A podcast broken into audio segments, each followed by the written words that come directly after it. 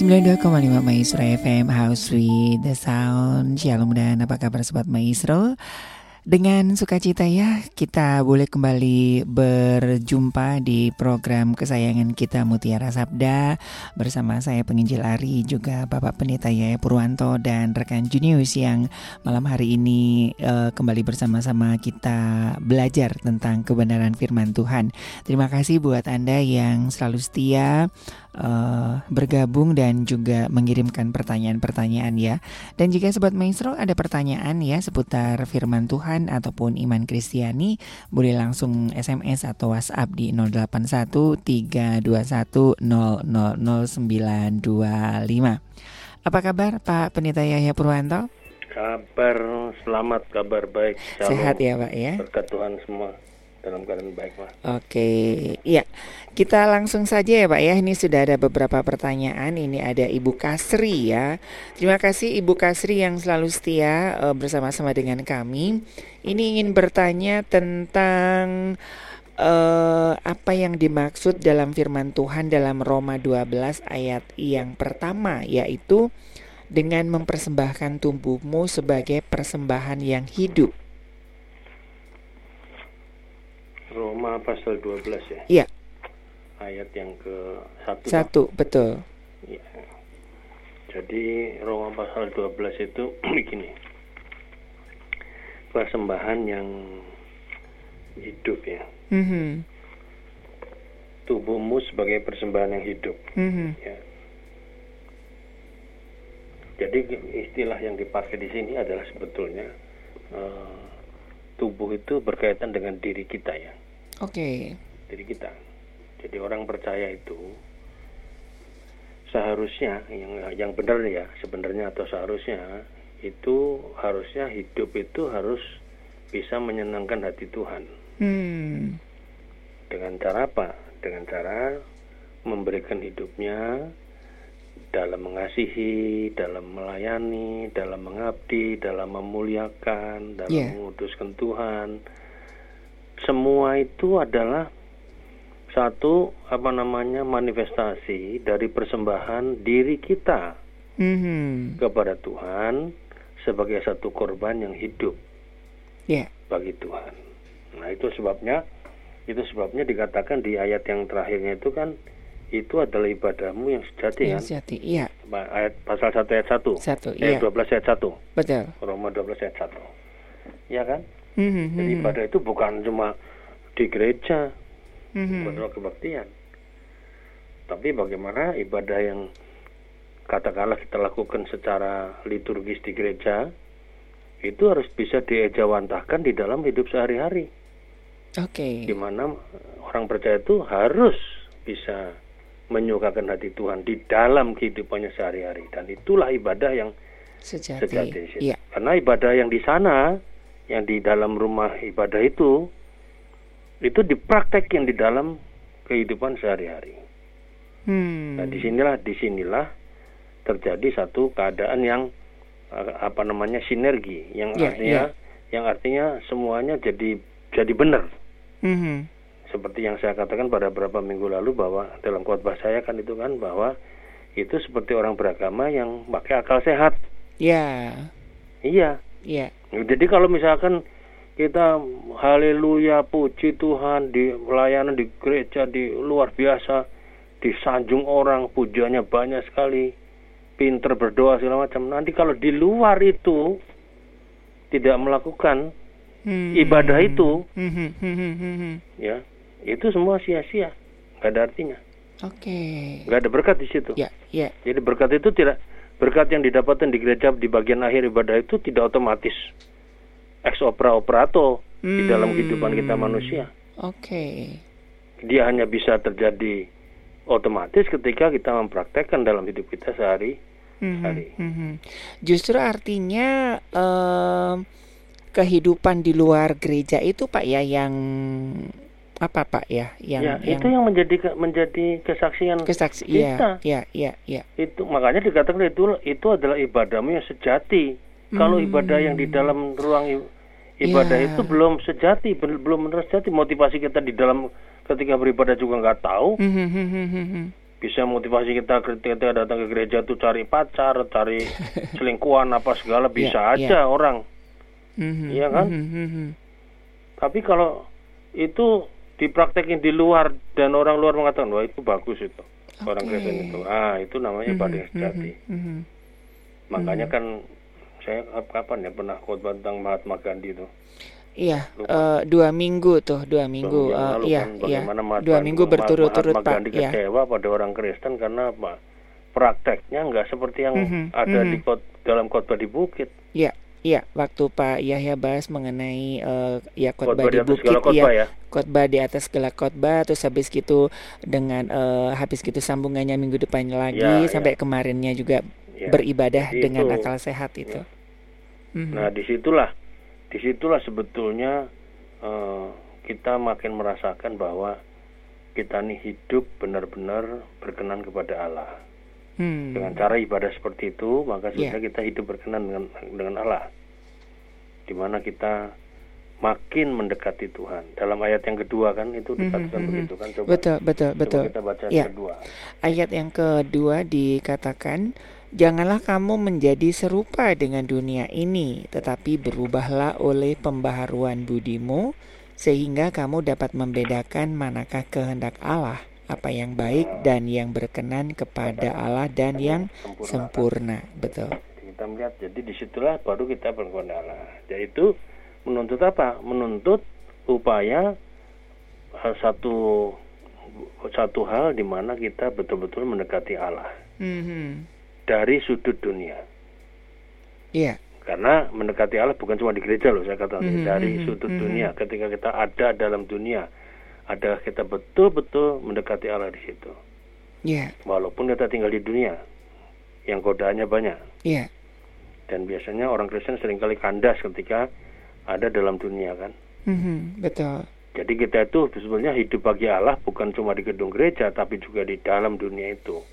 Mhm. Ketika di dalam dunia di dalam dunia itu seluruh penyembahan kita kepada Tuhan yang ada di dalam liturgi ibadah itu kita taati lalu kita bersama-sama menjalani hidup di tengah dunia yang penuh dengan dosa tapi kita bisa bertahan dalam itu dan itu kita membela kebenaran kita membenci kejahatan kita menolak pekerjaan yang eh, sembrono Mhm. kita nggak malas kita lakukan pekerjaan yang baik ya seperti untuk Tuhan di Iya. dalam dunia itu ya Iya, betul. ya kita meniru Kristus sebagai imitasi Kristus tengah dunia itu nah di situlah kita betul-betul ibadah kita sejati Mhm, mhm. ya, di situlah artinya apa tubuhmu itu sebagai persembahan yang hidup dirimu itu adalah persembahan Oke. yang hidup Ya. ya. Ini senada dengan eh, di kitab Ibrani itu ya Pak ya bahwa kita itu yang suratan terbuka gitu Pak. Ada korelasinya nggak Pak? surat terbuka iya bisa juga Ya, itu pokoknya istilah Paulus kalau gitu kan juga Mhm, surat yang mhm. terbuka ya kan Iya, Nggak ada kamu adalah surat yang terbuka yang bisa Iya. dibaca semua orang iya. gitu kan jadi jadi kita betul-betul mempersembahkan diri kita itu bukan cuma di dalam satu ibadah Ibadah. formal Hmm. ya tapi juga ketika kita menjalankannya itu di tengah-tengah dunia kita Mhm, mhm. ya jangan kita ketika di tengah-tengah dunia itu di dalam ya, gedung gereja itu kita ibadah sok suci tapi di dalam di luar gedung itu kita berbuat dosa kita melakukan perjinahan kita lakukan Mhm, kejahatan mhm. kita lakukan keinginan-keinginan daging iri hati benci dendam dusta dan yang semuanya melawan hukum Kristus Betul. Ya. ya kan dengan Iya. Nah, kalau gini kita lakukan ya ibadah kita kepada Tuhan nggak masuk akal. Mhm, mhm. Iya, ya percuma beribadah, Betul, betul. percuma haleluya. Kalau di, kemudian kita keluar dari gedung gereja halelupa. Hmm. Orang sering kan begitu haleluya di sana gedung, di luar halelupa semua. Ya. Betul, itu betul. kan itu kan nggak nggak tepat. Mhm, mhm. Ya, baru saja misalnya katakanlah dulu pernah ada orang mengatakan pada saya baru saja di gedung gereja mel- mel- melakukan perjamuan kudus. Eh, masuk tempat parkir sudah maki-maki orang. nah itu itu kan ironis ya. Mhm, mhm. Jadi jadi kita kita tuh hidup ibadah kita sejati enggak lah pertanyaannya kan di situ. Betul, betul, betul. Iya. Iya, iya. Iya, mungkin ada beberapa orang yang konsepnya bahwa uh, Tuhan hanya hadir di tempat ibadah aja ya, Pak ya. Iya, ya itu itu kan dulu di dalam perjanjian lama. Hmm. Iya kan? Dunia perjanjian lama kan orang ibadah Tuhan kan konsentrasinya ada di peti perjanjian kan hadirnya betul, Tuhan betul. lewat itu. Jadi kalau betul. dikatakan suci itu hanya di gereja, di luar nggak perlu. Tapi enggak, konsep itu berubah ketika Kristus datang sebagai sesuatu yang universal tuh. Hmm membuat manusia menggenapi Taurat kan. Yeah.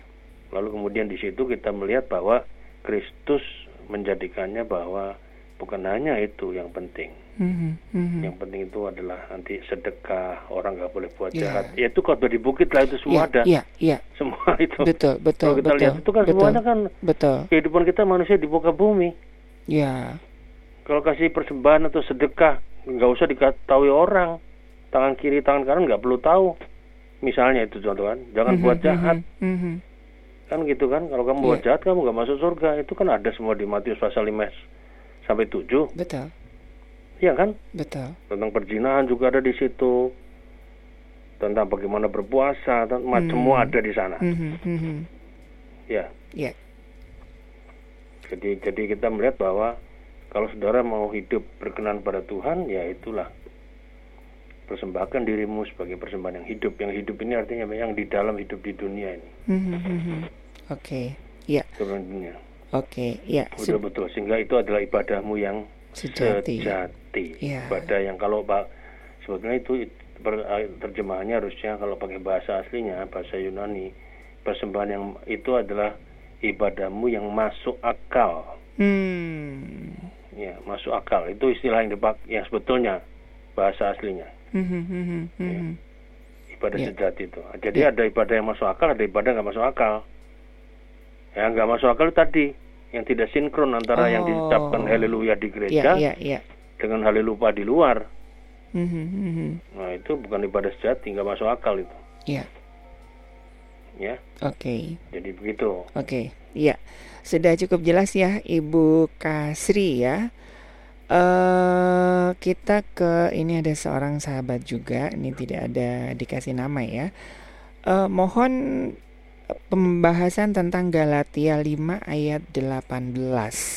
Coba kita akan lihat Galatia 5 ayat yang ke-18 Ini tentang tetapi jikalau kamu saling menggigit dan saling menelan, awaslah supaya jangan kamu saling membinasakan. Ini perikopnya tentang kemerdekaan Kristen. Ayat 18. Eh salah saya bacanya. saya ayat 15. Ayat 18. Itu menurut Iya. Akan tetapi jikalau kamu memberi dirimu dipimpin oleh roh, maka kamu tidak hidup di bawah hukum Taurat. Mungkin ya. mungkin ini yang ditanyakan uh, apa apa kaitannya hidup dalam roh dengan hukum Taurat, Pak? Ya. Jadi kalau orang memberi dirinya dipimpin oleh roh, maka sebetulnya dia dikatakan bebas dari hukum Taurat. Hmm. Tapi bukan berarti nggak pakai hukum Taurat. Salah. Okay. Maksudnya gini, pimpinan roh itu, pimpinan roh pada kita itu tidak men mengganti petunjuk-petunjuk petunjuk hukum Taurat. Hmm. Ya, tidak. Sehingga manusia apa namanya kalau kalau itu mengganti petunjuk-petunjuk Taurat maka manusia bisa tidak berubah. Iya. Yeah. Iyalah, yang berubah kan dari pimpinan roh mm-hmm. ke hmm. dari petunjuk Taurat ke pimpinan roh. Iya. Iya kan? Betul. Ya kalau digantikan loh. Kalau digantikan kan sebetulnya kan hmm. dari petunjuk Taurat digantikan pimpinan roh. Yang berubah siapanya? Hukumnya. Hukumnya, betul. Yang dimaksud Tuhan dalam Galatia 5 ini adalah orangnya yang mesti berubah. Hmm. Ini yang penting. Iya, iya. Gitu loh. Betul. Makanya makanya dikatakan di situ bahwa di dalam Galatia pasal 5 ayat 18 itu kan akan tapi jika kamu di, memberi dirimu di roh maka ya tidak hidup hukum Taurat. Hmm. Artinya apa? Tidak tidak uh, kalau kita dipimpin roh kita berubah. Kita yang berubah. Iya. Nah, karena karena kita berubah, maka kita lagi kita tidak lagi di bawah pimpinan, tidak lagi dihakimi secara Taurat, tapi di dalam pimpinan roh tadi kita ada perubahan baru hidup baru, maka kita dihakimi oleh Kristus yang adalah roh itu sendiri. Mhm, Kira-kira gitu. Iya. Ya. Jadi jangan jangan jangan kita beranggapan bahwa kalau dipimpin roh itu seperti itu. Coba saya mau mengajak kita membuka Roma pasal 8 ayat 15. Oke. Roma 8 ayat yang ke-15. Ya. Sebab kamu tidak menerima roh perbudakan yang membuat kamu menjadi takut lagi, tapi kamu telah menerima roh yang menjadikan kamu anak Allah. Oleh roh itu kita berseru Abba, ya Abba, ya Bapa. Roh itu bersama-sama dengan roh kita bahwa kita adalah anak-anak Allah. Mhm. Jadi kalau kita dipimpin roh, itu kita anak-anak Allah. Ya, Oke. Itu begitu. Kita berubah, berubah jadi anak Allah yang juga ya tentu saja Yesus kan datang tidak merubah Taurat kan, Mhm, menggenapi kan? Iya. Ya, menggenapi itu bahkan melebihkan. Kalau orang suruh ber, berja- hukumnya misalnya berjalan satu meter, suruh dua meter malahan kata kalau kata Yesus. Oke. Jadi lebih berat. Karena tapi kita nggak merasa berat karena kita dipimpin oleh Roh. Oke. ketika kita dipimpin oleh roh itu kita hidup kita sudah berubah menjadi hidup yang baru Hmm. gitu kan Mhm, mhm. nah kalau kita membaca Galatia pasal ayat 2 eh Galatia pasal 6 pasal berapa nah ini ya Eh, Galatia pasal 6 tadi dulu saya buat cari ya Yang tentang buah roh itu kan Pak, bukan? Hmm. Kalau pasal 5 itu pasal 5 ya. Jadi Oh iya yang Iya, tadi pasal di- lima, ya. disampaikan tadi ya, ujung-ujungnya ke buah roh itu ya. ini pasal Pak dalam dalam surat Galatia pasal 6 ayat yang kelima itu Hmm. dikatakan di, di situ ya bahwa pasal 6 ya, bukan ayat yang kelima, sorry, Ya. bukan ayat yang ke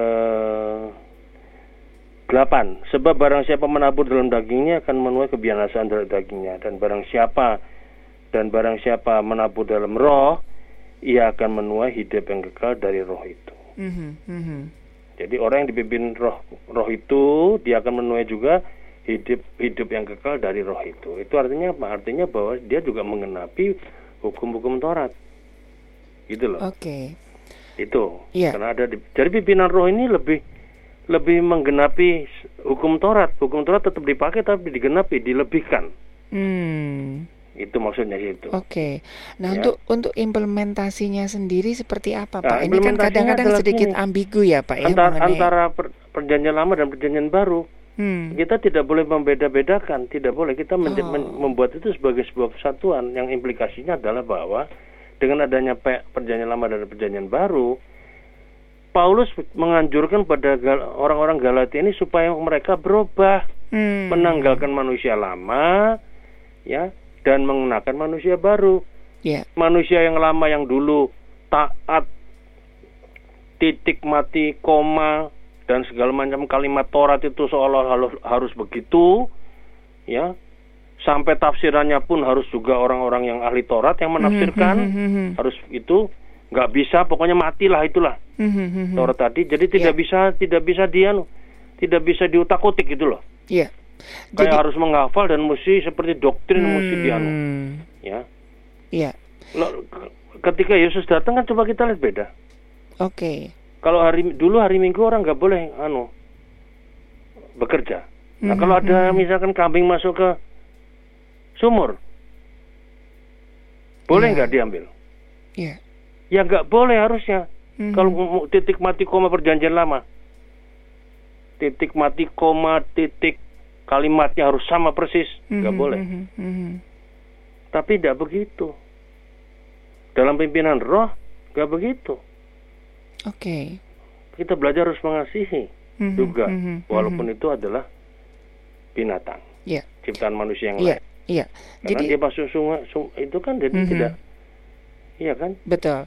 Jadi dipimpin roh ini lebih banyak ke lebih ke ini ya kehidupan sehari-hari Pak ya. Iya. Dalam konteks kehidupan ya Pak ya, bukan dalam konteks eh, ibadah atau konteks yang eh, apa liturgi gitu Pak. Ya, Atau bukan, seperti apa Pak? Bukan, bukan. Lebih ke bukan. kehidupan sehari-hari kita ya. Yang dipimpin oleh roh itu Oh, tadi, oke. yang dulu dalam perjanjian lama dipimpin oleh hukum Taurat. Hukum Taurat. Taurat. Oke. Sekarang Ya. pimpinan roh. Tapi pimpinan roh ini tidak menggantikan petunjuk Taurat. Sebab kalau Hmm. kalau pimpinan roh kepemimpinan roh ini pada manusia itu menggantikan petunjuk Taurat, yang ganti adalah hukumnya doang. Dari hukum Taurat Ya. menuju pimpinan roh kan? Ya, ya. Sementara yang diharapkan diharapkan oleh Tuhan adalah manusia yang berubah, Hmm, hmm, hmm, hmm. berubah. Kamu yang berubah. Ya, Ya, ya, gitu. ya. Dengan dengan kita berubah itu berarti apa? Kita menuju dari manusia lama menuju ke manusia yang Baru. baru Hmm. supaya benar-benar kita menjadi manusia yang berkenan kepada Allah. Mhm, Ini mhm. hanya dimungkinkan kalau kita dibaharui oleh roh. Kalau kita dipimpin Iya. oleh roh.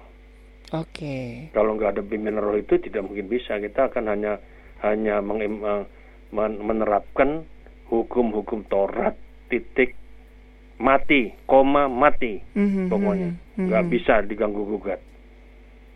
Tidak bisa. Ya, ya, Ya. ya. Seperti halnya contoh Yesus ketika berjumpa dengan perempuan yang berzina. Ya toh? Mhm, yang mhm, dihadapkan mhm. oleh para ahli Taurat dan orang Farisi. Ya, ya. Kan itu kan harusnya kan kalau hukum Taurat dirajam. Dirajam, betul. Tapi kemudian Yesus mengatakan coba Siapa, yang siapa yang, di antara nggak kamu yang nggak berdosa coba Ya. merasa. Nah, itu kan pimpinan roh itu loh. Hmm. Satu hukum yang yang baru yang melebihkan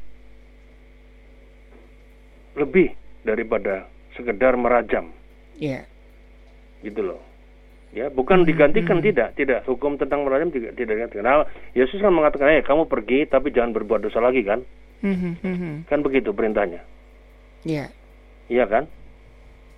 Kan itu Betul. baru berarti Mas itu. betul. Menanggalkan manusia lama menuju ke manusia yang baru. Bukan berarti dia harus berzina lagi, tidak salah. Ada hukum ber- jangan berzina ada di betul. Mhm, Taurat. mhm, mhm. Harus dilakukan juga, Ya, ya kan? ya. Betul, Nah, itu. betul. Jadi jadi Galatia 5 ayat 18 ini sebetulnya kalau kita melihatnya itu sebetulnya adalah lebih baik landasannya adalah kasih sebetulnya. Hmm. Pimpinan ya. roh itu selalu kasih. Betul, betul, betul. Ya. Dan dan kalau tidak salah memang di kitab Galatia ini le- lebih banyak eh, model eh, pastoral gitu ya Pak ya, Ya, bagaimana ya, ya. tuntunan eh, Ya. sebagai umat percaya Ya. hidup sehari-hari ya. Jadi sehari-hari sehari- bagaimana menjadi orang yang benar-benar baik, mhm, saleh, mhm. suci di hadapan Tuhan dan sebagainya ya, dengan pimpinan Roh Kudus. Maka maka kalau orang dipimpin Roh Kudus itu ada buah-buahnya. Hmm. Kalau di- nggak dipimpin Roh Kudus nggak ada buahnya. Yang ada adalah yang ada adalah cemoohan orang karena Nah, ada percabulan, Ya. kecemaran, hawa nafsu, penyembahan berhala, sihir, perseteruan, iri hati, kemarahan, egoisme, roh pemecah, Hmm. dengki, pesta pora, semua itu kan menunjukkan ciri-ciri bahwa orang tidak ada dalam pimpinan roh. Jadi dilihat dari buahnya ya Pak ya. Iya. Jadi kalau ada orang yang dalam tanda kutip mengaku dipimpin roh tapi buahnya nggak sesuai dengan Nah, eh, iya. hukum Berat- kasih itu, Ya berarti dia masih manusia lama, Mas. hmm, Ya, toh? oke, Yang tidak berubah kan? Iya. Iya. Yang berubah dari hukum Taurat ke pimpinan roh. Oke. Itu hukumnya berubah. ya, iya, iya, Tapi orangnya nggak berubah. berubah. Oh, ya sama Iya. aja ya Pak ya. Beda. Ya, ya, iya. betul, betul. Maka saya tadi dari tadi statement awal saya mengatakan bahwa orang di pimpinan roh itu jangan punya pikiran bahwa petunjuk Taurat itu digantikan oleh pimpinan Hmm, roh. Dengan Bukan. pimpinan. Oke, Bukan. Ya. Salah. betul, betul. Hukum itu masih dipakai. Makanya Yesus mengatakan pada contoh yang paling jelas perempuan berzina itu loh. Hmm, hmm, hmm, hmm, hmm. Setelah dia dibebaskan oleh Yesus karena tidak ada satupun yang berani melempari batu dan merajam sampai mati, pergilah kamu jangan, Jangan, jangan berbuat, berbuat dosa lagi. lagi. Iya. Jangan berzina maksudnya. Hmm, hmm, hmm, hmm. Kan berarti kan hukum Taurat masih dipakai. Betul. Iya kan? Tapi Betul. orang itu dia hidupnya sudah baru Hmm, dengan pengampunan iya. tadi. Iya. Yang nggak tahu kalau setelah itu dia balik lagi ke manusia lama. Ya dia menyanyiakan Iya. anugerah Tuhan Mhm, yang harus mhm. pada waktu itu dia mati kok. Ya. Ya harusnya dia nggak begitu kan? Kalau dia dia tahu bahwa anugerah Tuhan begitu besar pada dia sampai dia selamat dari Mhm, kematian, mhm. ya kan Betul, harusnya dia betul. sadar, oh saya dikasih betul oleh Yesus, saya nggak mau lagi berbuat itu lagi. Saya Mhm. mau jadi manusia baru yang hidup dipimpin oleh Roh, Ya. gitu loh. Oke. Ya. Ya, Ya, oke, sudah cukup jelas ya. Kita ke Ibu Lani, apa kabar? Eh, Pak Yahya ini mohon dijelaskan tentang hikmat Allah dan hikmat manusia dalam 1 Korintus 1 ayat 18 sampai 20. Coba kita akan baca ya 1 Korintus 1 ayat 18 hingga 20 Sebab pemberitaan tentang salib memang adalah kebodohan bagi mereka yang akan binasa, tetapi bagi kita yang diselamatkan, pemberitaan itu adalah kekuatan Allah. Karena ada tertulis, "Aku akan membinasakan hikmat orang-orang berhikmat dan kearifan orang-orang bijak akan kulenyapkan." Di manakah orang yang berhikmat? Di manakah ahli Taurat? Di manakah pembantah dari dunia ini? Bukankah Allah telah membuat hikmat dunia ini menjadi kebodohan? ya. Yang ditanyakan apa tadi ya? Mengenai hikmat Allah dan hikmat manusia ini, Pak. Ya pertama kali gini, kalau kita baca dan jadi ayat 18 dimulai dengan apa? Dengan berita salib toh Mhm. tadi kan? Jadi berita salib itu dikatakan adalah kebodohan bagi mereka yang binasa, tapi bagi kita yang selamatan adalah merupakan kekuatan Allah. Jadi itu artinya apa? Jadi artinya bahwa berita salib itu itu adalah satu kekuatan Allah. Mhm. Jadi salib itu tidak hanya mencakup suatu kebenaran atau hikmat, ya, tapi juga kuasa Allah yang aktif diberikan pada manusia untuk apa? Menyelamatkan, menyembuhkan, mem- membebaskan orang dari kuasa dosa. Salib Mhm. itu ya. Itu kekuatannya di situ, Iya. salib. Jadi salib itu adalah kekuatan Allah. Nah, kalau kita bicara hikmat du- dunia, ya, itu kita lihat bahwa hikmat dunia ini ad- adalah hikmat yang mengesampingkan Allah, Mhm. menekankan kesanggupan manusia sendiri, kekuatan manusia sendiri, Iya. menjadikan manusia punya kekuasaan yang tertinggi dan menolak untuk mengakui penyataan Allah dalam Kristus yang disalib. Mhm. Padahal salib itu tadi adalah kekuatan Kekuatan Allah. Allah. Iya. Nah, salib yang adalah kekuatan Allah ini ini adalah hikmat Allah. Hmm. Karena di situ ada kebenarannya. Kebenarannya apa? Kebenarannya adalah bahwa kuasa Allah aktif di dalam salib tadi yang merupakan kekuatan Allah, Iya. ya, yang akhirnya Yesus mesti mati di, di atas kayu salib itu untuk apa? Kekuatannya, ya menyelamatkan, ya menyembuhkan, ya mengusir kuasa-kuasa jahat, ya kan? Mhm. Itu semuanya Iya. kan? Betul. Pokoknya membebaskan orang dari kuasa dosa. Iya kan? Kekuatannya di situ. Iya. Nah, orang eh, hikmat dunia nggak bisa melihat ini. Karena hikmat dunia tadi mengesampingkan itu Allah itu, hikmat mengesampingkan yang tadi, Mhm. mengesampingkan Allah yang punya kekuatan dahsyat tadi untuk yang memberikan salib sebagai sebuah kekuatan Iya. yang menyelamatkan, yang membebaskan manusia dari kuasa dosa. Hik- Hikmat manusia kan enggak begitu hikmat dunia. Mhm. Mhm. Allah dikesampingkan, tidak penting. Yang ditekankan kesanggupan manusia, menjadikan manusia itu adalah pemegang kuasa tertinggi, menolak mengakui penyataan Allah dalam Tuhan Yesus. Yesus. Iya. Iya. Mhm. Nah, nah hikmat, hikmat yang ini, yang dunia ini, ini disebut Allah sebagai kebodohan. Ya, Oke. Bodohnya di mana? Bukan bodoh dalam arti kata IQ-nya rendah, Rendah. tidak. Iya, iya. Itu mah tinggi. Mhm. Mhm. Tetapi bodohnya adalah karena manusia itu gagal untuk menemukan kebenaran yang hakiki. Hmm, Oke. Bahwa manusia itu kan harus kembali ke kaliknya. Iya. Hubungan ke kaliknya sesuai dengan sesuai dengan kodrat awalnya diciptakan kan? Betul. Kan manusia diciptakan Adam dan Hawa untuk apa? Untuk bisa bersekutu dengan Tuhannya. Iya. Dan persekutuan itu harus dengan kasih. Nah kalau ini ditolak, ya udah kebablasan manusia. Mhm. Seolah-olah manusia itu punya kekuat, kekuasaan tertinggi, lebih tinggi dari Tuhan. Iya. Bagi, nah, bagi Tuhan hikmat dunia tadi itu satu kebodohan. Bodoh. Ya.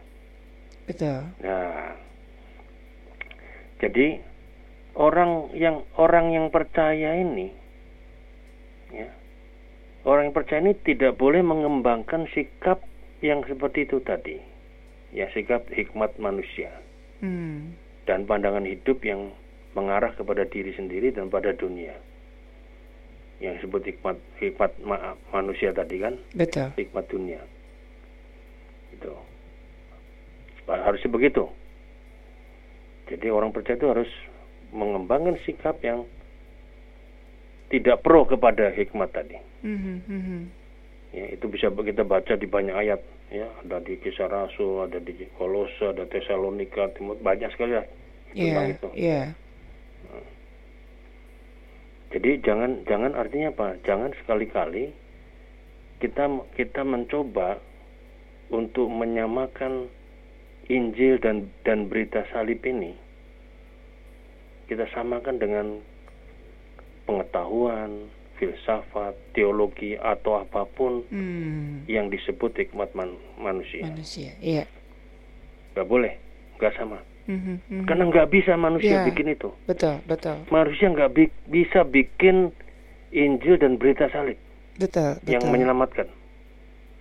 Ya coba kalau nggak ada Injil dan berita salib, bagaimana manusia selamat? Saya mau tanya. Iya, Mas. Kekuatan iya. pengetahuan filsafat apa yang bisa membuat manusia, bisa? selamat. Selamat. Iya, betul, betul. Nggak ada. Mhm, Ya wong dikasih Injil dan berita salib aja orang masih maunya nggak selamat kok. Ya. Itu Mhm.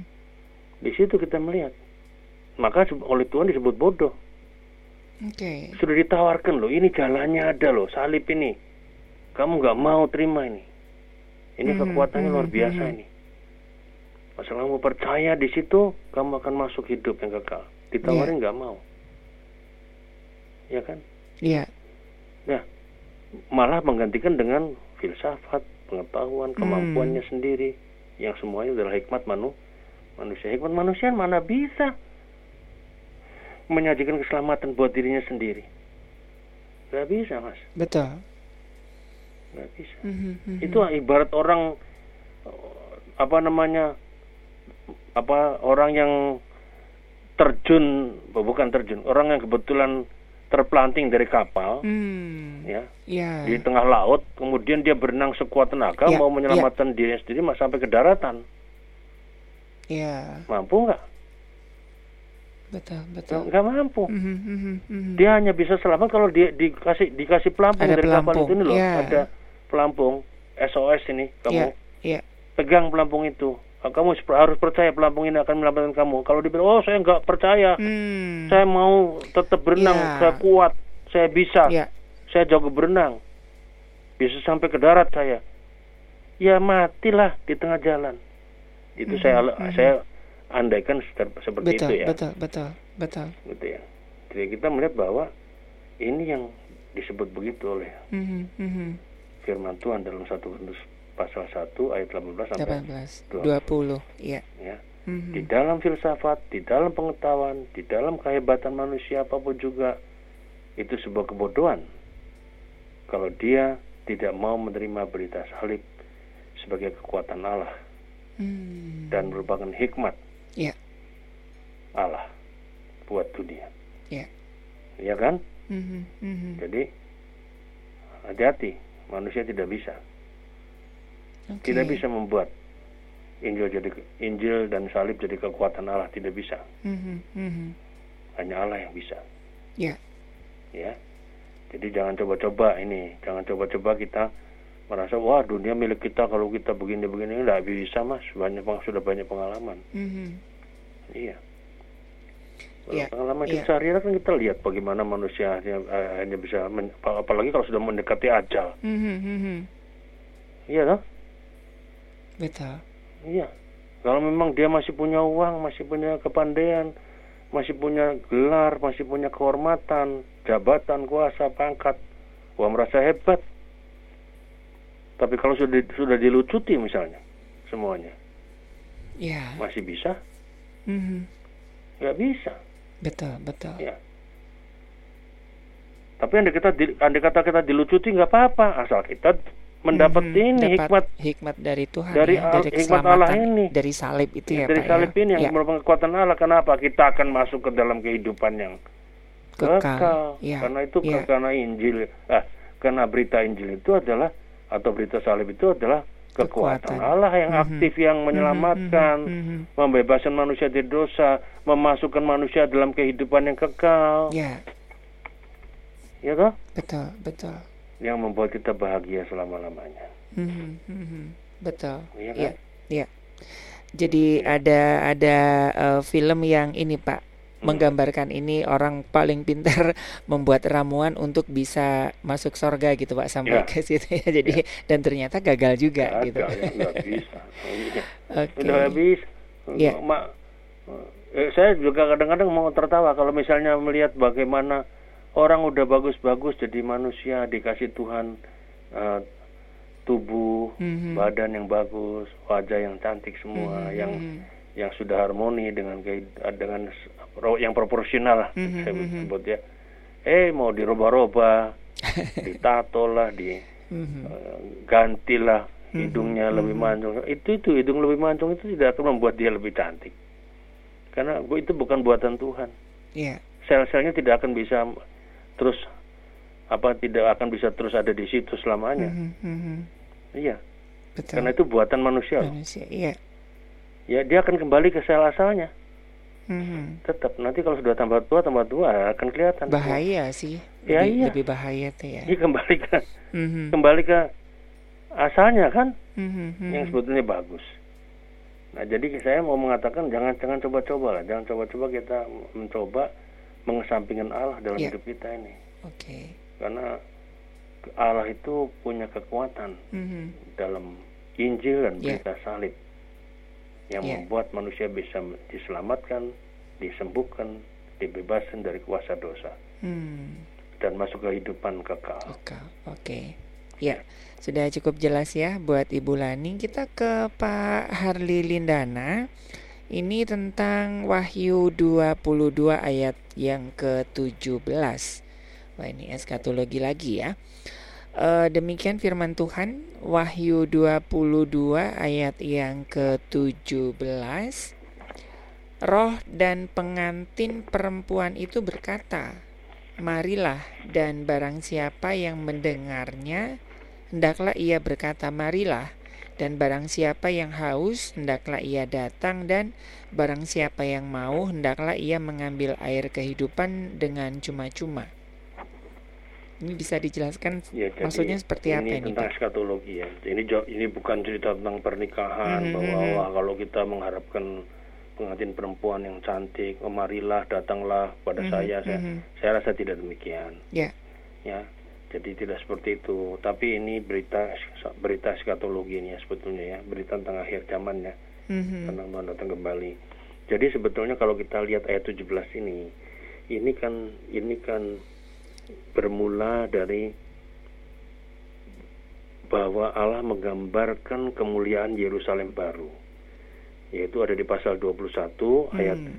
9 sampai pasal 22 ayat 5. Nah, Ya. setelah itu pasal 22 ayat 6 sampai ayat yang ke 17 ya. Itu di situ yaitu ya. Di situ adalah jawaban dari gambaran tadi. Ya, jawaban dari gambaran kemuliaan Yerusalem baru itu yang dijamin di dalam Kristus. Oke. Ya, bahwa Kristus akan datang kelak dengan segera. Ya, dan roh al- a- Kristus akan datang kelak dengan segera. Roh Allah dan pengantin perempuan berkata, marilah. ya Roh Kudus Roh Allah itu Roh Kudus itu bekerja di dunia menyiapkan segala sesuatu di dunia bagi datang Kristus supaya kemuliaan Allah penuh terpancar di hadapan tiap-tiap manusia ya Mhm, Roh. Kudus bekerja dalam hati pengantin perempuan maka disebut Roh Allah dan pengantin perempuan kan tadi kan Ya. Nah, pengantin perempuan ini siapa? Yaitu gereja. Hmm. umat Allah kembali Iya, kan tadi iya. roh. Iya, roh. hidup dipimpin roh tadi kan? Iya. ya. Supaya apa? Supaya gereja atau umat Allah itu rindu dengan kerinduan yang luar biasa dan berdoa terus menerus akan kedatangan Tuhan. Ya. Mhm. marilah datanglah Kristus. Kira-kira gitu loh. Iya. itu loh. Ya datanglah ya Roh Kudus kan kadang-kadang kita su- suka Betul, berdoa begitu betul, kan? Betul, betul. Maranatha. Ya. ya Tuhan datang. Itu kalimat tadi roh Allah dan pengantin perempuan berkata marilah itu. Mhm, kenapa? mhm. gambaran Yerusalem baru ada lalu ma- umat manusia itu apa namanya meng- menghayati akan jaminan Kristus tadi dengan apa? Dengan kata-kata dengan ini tadi. Ya bahwa ada jaminan Kristus bahwa itu akan datang nanti pada waktunya nah dalam masa penantian tadi roh Allah dan kita sebagai gereja bekerja untuk me- menaikkan doa untuk bisa mendatangkan itu kita rindu Mhm. ya akan kedatangan Tuhan Yesus Ya. ya dan artinya apa dan dan lagi dikatakan di pasal ayat 17 itu dan barang siapa yang mendengarnya dia berkata marilah kan Ya. dan barang siapa harus marilah ia datang Ya. ya dan setiap orang yang mendengar apa tadi hendaklah ia berkata Hendaklah. juga marilah Ya. ya jadi setelah roh Allah dan pengantin berkata marilah maka setiap orang yang mendengar juga harus berkata marilah Marilah. Ya. sama kan Betul. Lalu kemudian di dilanjutkan kalimat Yang barang siapa haus. yang haus hendak Ya. datang, barang siapa mau mengambil air kehidupan dengan cuma-cuma. Jadi di Hmm. situ kita melihat bahwa bahwa ya ini harus jadi doa kita sehari-hari. Marilah Tuhan Yesus datang. Datanglah kerajaanmu sama dengan istilah yang ada dalam doa Bapa kami. Mhm, mhm. Ya. Nah, menanti kedatangan Tuhan itu secara eskatologis ini, ini bukan pertama-tama untuk keperluan kita bebas dari penderitaan dan kesulitan di dunia ini, di mana kita menderita, bukan. Biasanya Ya. kan kadang-kadang kalau orang sudah menderita luar biasa kan putus asa, Tuhan Mhm, datanglah, mhm. cabut nyawa saya lah, kira-kira Ya, gitu kan. Betul. Marilah datang, bukan. Ya. Tapi kita harus mendoakan tujuannya motivasinya apa? Supaya apa namanya? perlawanan terhadap kerajaan Allah dan segala kecamaran duniawi ini berhenti. Hmm. Ya. Iya toh? Betul, betul. Hiruk pikuk tentang dosa ini selesai. Dan kita Hmm, berdoa, kalau itu selesai kita berdoa, Tuhan Yesus datang dengan kehormatan yang luar biasa. Ya. ya. Dan ke penantian kita ini- seperti ini adalah seperti orang haus yang memang yang hausnya luar biasa, Mhm, mhm. gitu loh. Ya. Orang Ya. haus kan merindu apa? Air kan? Air, betul. Demikian juga orang yang percaya tadi dalam doa tadi seperti menantikan kedatangan Tuhan supaya datanglah Tuhan segera kan marilah Mhm, engkau datang mhm. Tuhan. Ya, bukan karena kita memang sudah frustrasi tinggal di dunia Ya, bukan. Ya.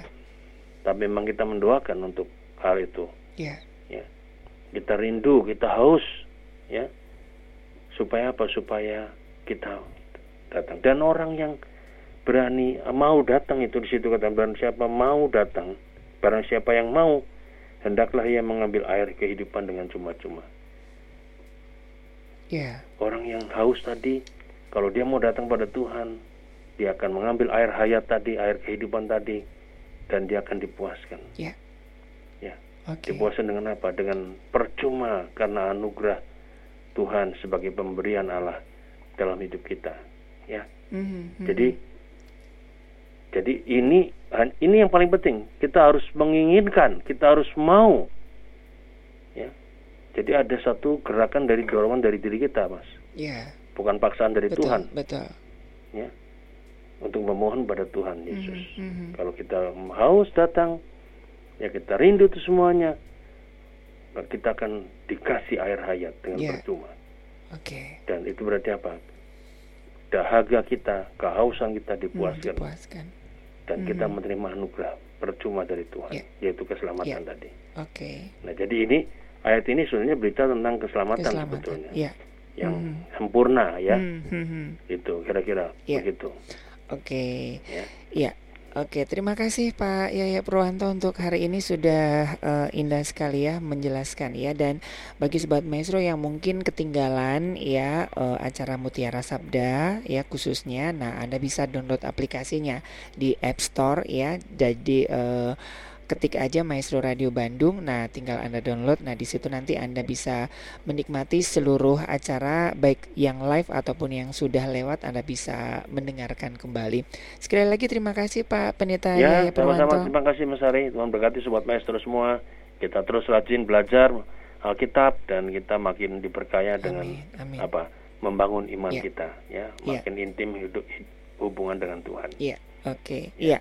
Oke, terima kasih buat Ibu Kasri, buat Pak Hardi Lindana, Ibu Lani ya dan juga buat Anda ya. Baik sobat maestro dari Geram Maestro Jalan Kaca Bering 12 Bandung. Saya penginjil Ari, Pak Pendeta Yahya Purwanto dan juga rekan Junius mengundurkan diri dari, dari program Pelangi Kasih. Tetap jaga protokol kesehatan dan Tuhan memberkati.